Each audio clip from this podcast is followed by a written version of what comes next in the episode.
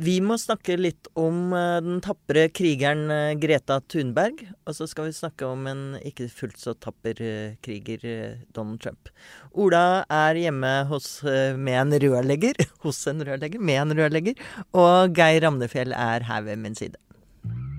I think it's a disgrace. Jeg syns det blir litt spesielt. At Dagbladet driver med Donald Duck-journalistikk, det kjenner vi alle til. Men dette holder ikke. Du snakker jo bare visvask av arbeidslivet. Helt useriøst. You are fake news. Go ahead.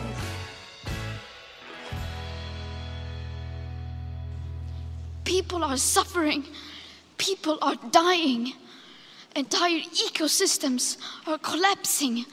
We are in the beginning of a mass extinction, and all you can talk about is money and fairy tales of eternal economic growth. How dare you! Der hørte dere en historisk tale som dere helt sikkert kommer til å høre mange ganger eh, nærmest fremtid, og i lang fremtid eh, fremover. Jeg tror det kommer til å bli en tale som går inn i historien på linje med liksom de store Martin Luther King-talene. Og det var eh, unge Greta Thunberg som snakket til FN. Hvorfor var hun der, Geir Amfjell? Hun var der fordi FN har et, et toppmøte denne uka om, om klima, hvor FNs eh, generalsekretær har eh, invitert alle FNs medlemsland til å komme og levere forsterka mål inn til Parisavtalen for å klare å oppnå den. For det, de målene som var meldt inn fra før av, de tar oss bare til 3,5 eh, grader. Så man må melde inn, melde inn forsterka, forsterka mål. Og da er jo Greta Thunberg blitt en en uh, kjendis, kan du si. en talsperson, en viktig talsperson i miljøbevegelsen, og ble invitert dit. Hun ville først egentlig ikke reise fordi hun måtte fly, og så har hun da tatt uh, seilbåt Som vi har lest mye om. Som vi har lest mye om, og har tatt uh, seilbåt over, som da provoserer mange i utgangspunktet. Og, og holdt denne talen i går, som, som skapte veldig mye engasjement. I det hele tatt så har Greta Thunberg en forunderlig evne til eh, ikke bare å engasjere eh, på positivt. Eh, hun åpenbart har jo fått et gjennomslag blant unge som er helt uh, utrolig, og også blant eh, godt voksne som meg og, og deg. Mm. Men, men, hun provoserer også.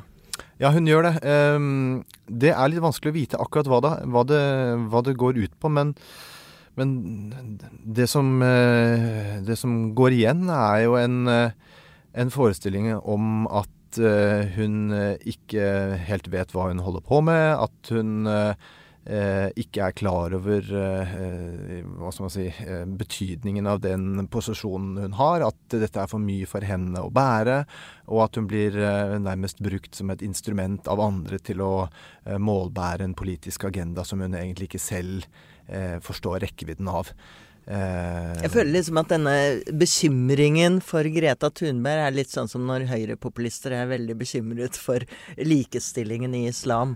Det er ja. like troverdig. Men, men, det som var spesielt etter denne talen, var jo at det dukket opp, eh, i min Facebook-feed i hvert fall, og er blitt en stor diskusjon siden, eh, innvendinger fra folk som jeg ikke mistenker for å være klimafornektere i det hele tatt, tvert imot liberale stemmer, som var veldig kritisk, og som eh, Det var en som, eh, kollega som antydet til med at vi burde brukt Vær varsom-plakaten når det gjelder Greta Thunberg.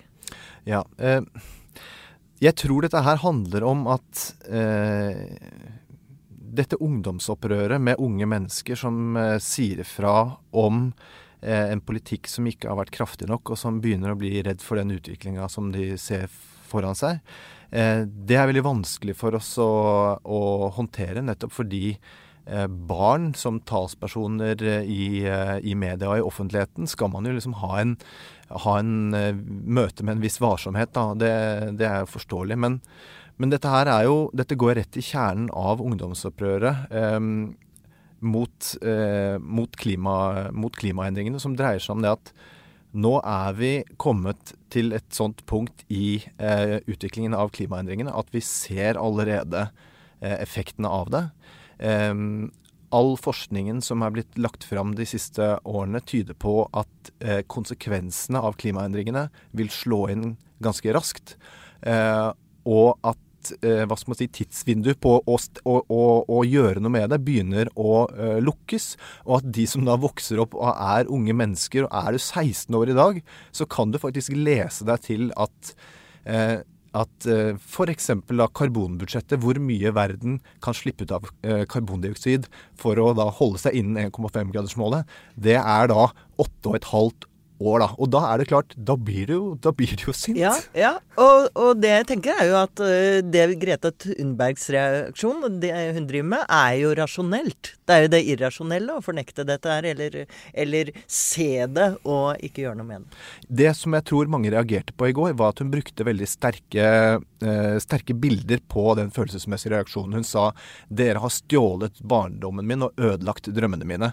Det er som når et barn sier det så, det, så, det, så, vekker det på en måte en bekymring. Altså, Jøss, er det noen som ikke har vært snille med deg? Men det, det, det handler om, er at i fortsettelsen av talen hennes, hvis man hører den fem minutter ganske korte talen, så går hun eh, fra den eh, veldig sterke eh, og ladede innledningen, så går hun rett over i en veldig presis og effektiv og ugjendrivelig eh, dokumentasjon og framleggelse av eh, fakta om klimaendringene. Og de faktaene om klimaendringene de er såpass alvorlige at det er helt naturlig at hun reagerer på den måten. Og dette er jo de samme fakta som eh, FN som statsoverhoder over hele verden, som Erna Solberg legger til grunn for sin klimapolitikk. Det er jo ikke alle som reagerer så mye, men, men dette er anerkjent forskning og fakta. Det er jo det, og hun målbærer det på en måte som som eh, Altså, hun sier jo det samme som veldig mange andre gjør. Men, men, hun er en representant for en eh, for da en ungdoms, uh, ungdomsgenerasjon uh, som, som opplever dette som en, som en urett begått mot dem. og det setter på en måte en følelsesmessig spiss på det, og en grad av alvorlighet som jeg tror har vært med på å eh, riste litt løs i for det, hele klimadebatten. For det som slår meg, er jo at de kan jo ikke ta henne på fakta. Eh, ikke sant? Og, og, dermed så må de liksom angripe måten hun eh, legger frem budskap på. Og det har vært en interessant eh, diskusjon om Eh, altså Det er noen som eh, innvender at hun, at hun, skremmer barn, rett og slett, eh, ved å bruke så sterke ord at eh, verden og fremtiden deres er eh, lagt i grus. Eh, og, og, det er én innvending. Og så er det også en innvending fra hva, han i MDG Stok Per Espen Stoknes. Per Espen Stoknes. Beklager, Stoknes. Jeg husket deg ikke akkurat i farten. men som, som, jo forsker på dette her, og han mener jo at at for å få folk med seg, så må man ikke skremme og påføre skam. Og det er jo en tanke som eh, jeg i hvert fall kan ha sympati for, men samtidig så viser seg jo at Greta Thunberg på kort tid, på rekordtid, har fått til et, nettopp det ved å bruke så sterke ord, så har hun fått en hel verden med seg. Ja, nei, det er, det er nok akkurat den tilnærmingen jeg har også til at jeg har Eh, per Espen Stoknes, da, for å ta han, han har jo en eh, forskningsmessig tilnærming til dette, hvor han har sett at eh, engasjementet rundt klimasaken, på tross av at det har vært den samme beskjeden i 30 år, har ikke vært noen bevegelse i riktig retning. Og da hans, en av hans konklusjoner vært at det er en slags sånn psykologisk stengsel. At når folk sier ulv, ulv, så etter hvert så gidder de ikke å høre, høre etter lenger. Men nå er det nå er det ulv, ulv, og så virker det som faktisk folk hører på, da. Eh, og det er den store forskjellen eh, nå. Og at eh, den, den tilknytningen i tid til når disse endringene i klimaet og eh, når de kan gjennomføres, når vi har mulighet til å gjennomføre de tiltakene, også spiller inn i dette, sånn at kanskje ikke den eh, hva skal man si, regelen da, til Per Espen Stoknes nødvendigvis gjelder lenger. Mm. Men eh, oljenasjonen Norge, da. Hva hadde vi å bringe til torgs i New York? Nei, vi, eh, vi, eh, vi, fikk jo da taletid som eh, en av, en av ikke få, men, men, i hvert fall utvalgte nasjoner. Fordi FNs generalsekretær sa at det er bare de som kommer og melder inn nye forpliktelser, som får taletid på dette, på dette klimatoppmøtet. For dette skal være et Climate Action Summit. We need action. Eh, for det er jo det det handler om. Man skal forsterke målene, sånn at man faktisk kan holde temperaturen under 1,5 grader. i hvert fall prøve på det. Eh, og Norge skuffet jo mange, for de hadde ingen nye forpliktelser eh, å komme med. Og det er jo egentlig oppsiktsvekkende, for det er noe regjeringen har meldt inn at de har hatt eh, som ambisjon å gjøre. Erna Solberg sa det på eh, siste oppsummerende pressekonferanse før, eh, for pressen i eh, juli i fjor. At dette var en av de viktige tingene å jobbe med i 2020. At da måtte man jobbe fram nye mål. Men da har det tydeligvis ikke kommet til Hun har hatt mye å styre med, da. Hun har hatt mye å styre med, det er helt opplagt. For hun hadde, ikke, hun hadde ikke noen nye mål å komme med. Og det som er hva skal man si, unnskyldningen, da, det er at hun venter på, eller Norge venter på, at EU skal komme med et forsterka klimamål. At man skal kutte 55% av klimautslipp innen 2030. Og når EU gjør det, så vil vi følge etter, er, eh, er beskjeden. Men Tyskland eh, meldte inn eh, konkrete kutt på egen hånd eh, ved dette toppmøtet. De skal kutte til 55% Danmark har sagt at de skal kutte 70 eh, Så Norge hadde jo all mulighet til å gjøre det, gjøre det samme, men vi valgte å, å og ikke gjøre det. Kan hende, som du sier, at uh, hun har hatt for mye Det har vært valg, det har vært bompenger som skal uh, betales, og i det hele tatt så hun har hatt for mye å gjøre. Men en annen viktig ting som, som, vi, uh, som vi, tok med oss, og som jo er et slags sånn en liten livbøye for, for, Erna Solberg i denne sammenhengen, er jo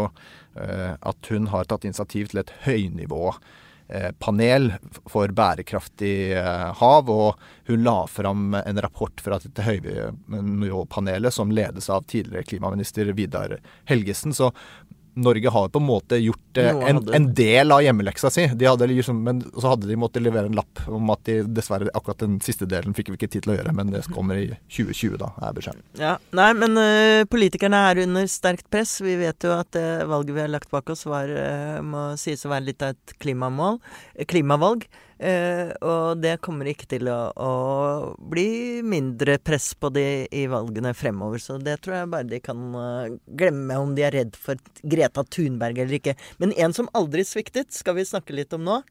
Donald Trump hadde selvfølgelig også noe å si om Greta Thunberg. Det skal vi ikke gjenta her. Det kan dere lese på Twitter.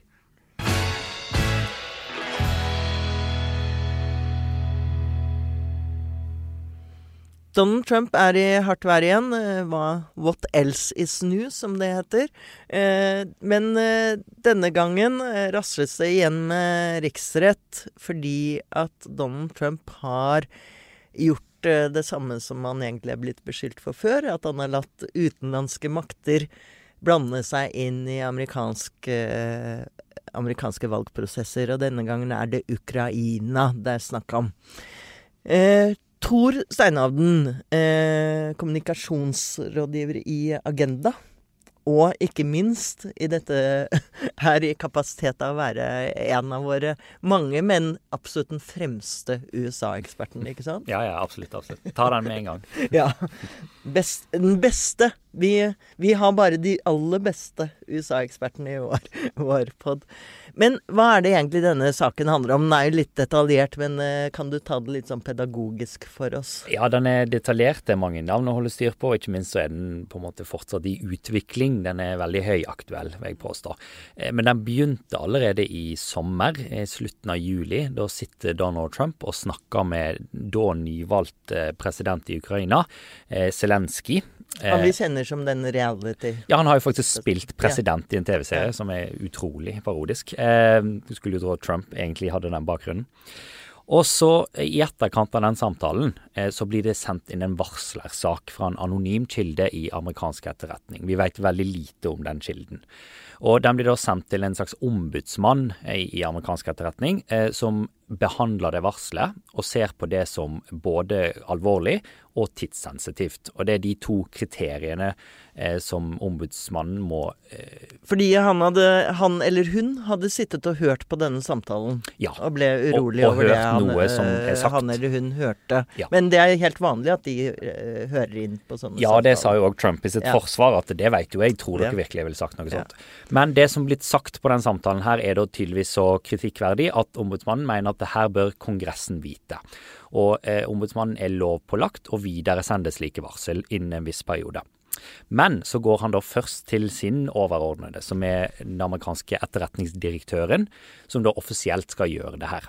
Istedenfor å gå til Kongressen innen tidsfristen, så går eh, etterretningsdirektøren til Justisdepartementet og får der en, en lovtyd... Altså en eh, Tolkning. tolkning, liksom. lovtolkning, eh, som sier at det her er egentlig ikke noe du behøver å bekymre Kongressen med.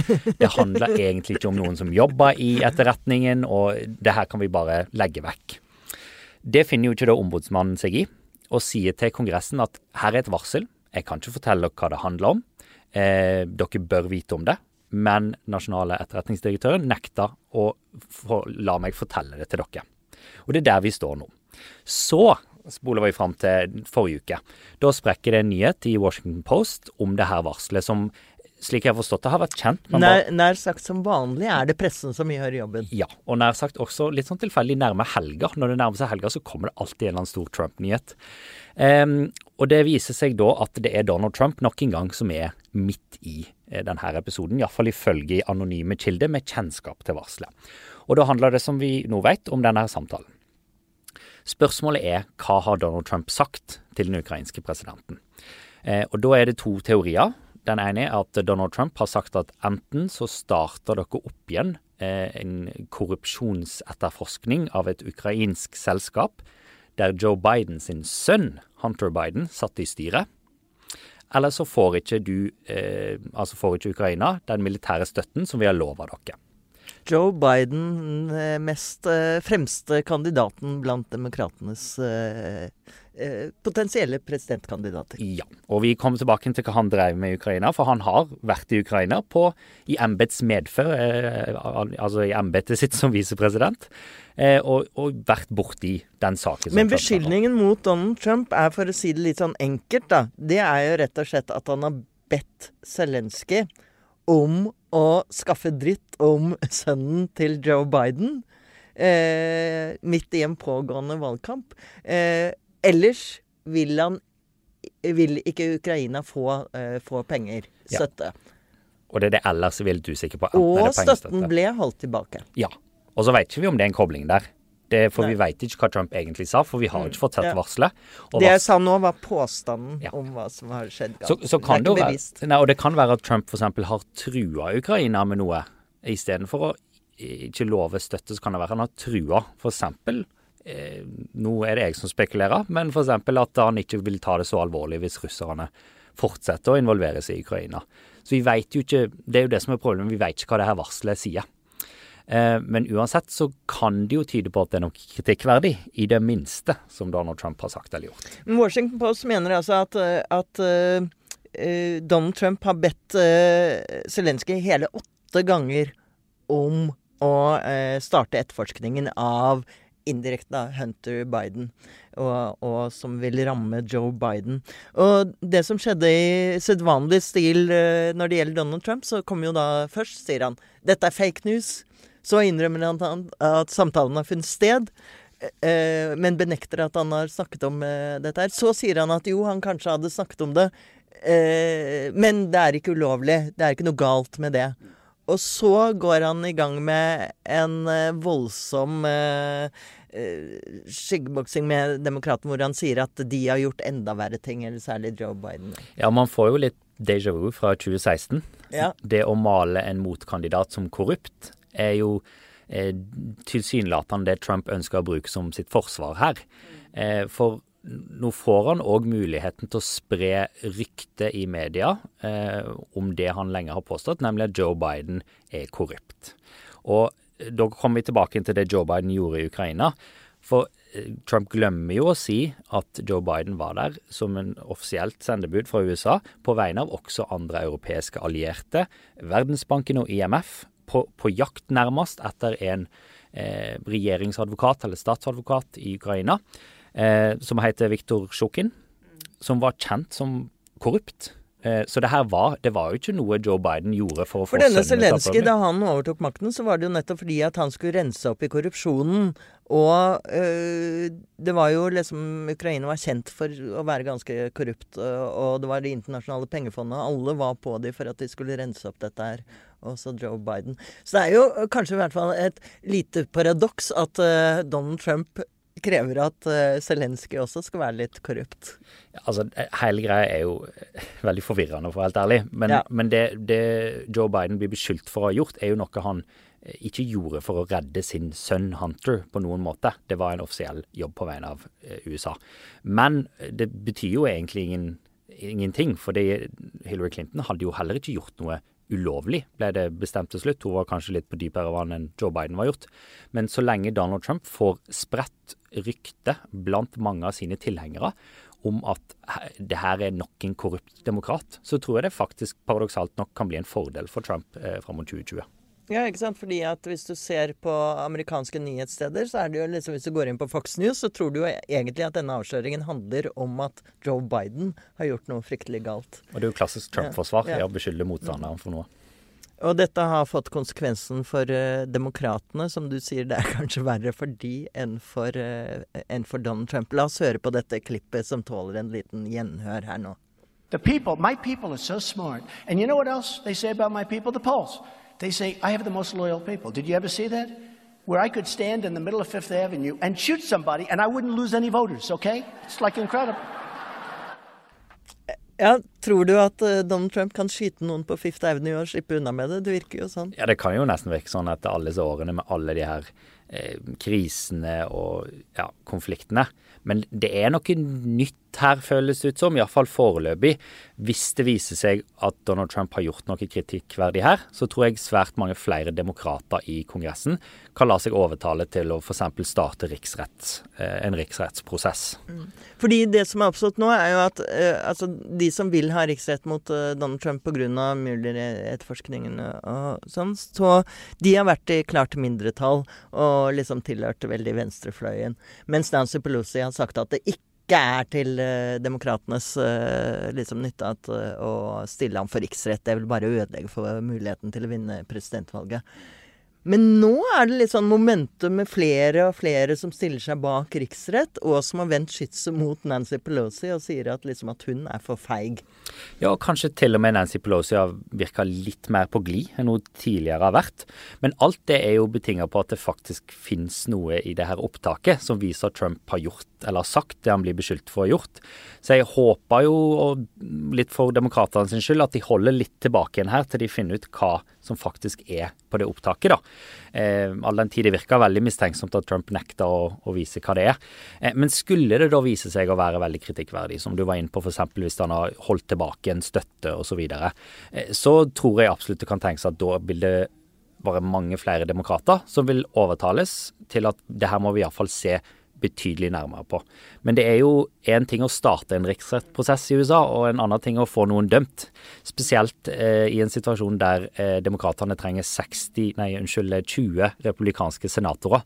Det er, det er der det stopper opp. Eh, men, eh, men, eh, en konservativ kommentator som Bill Crystal f.eks. sier jo at dette her er, liksom, vil være over grensen hvis selv for republikanske senatorer. Så kan det jo være at demokratene tenker at det her er såpass alvorlig at her tar vi sjansen. Vi starta en sånn prosess, kanskje i håp da, om å finne enda mer kritikkverdige ting, eh, eller at Donald Trump ikke har tatt komplett over det republikanske partiet. Så er det jo mange ting som tyder på at han har nettopp gjort det, og at det her med at de folkevalgte i USA har noen slags samvittighet eh, overfor noen andre sine egne velgere.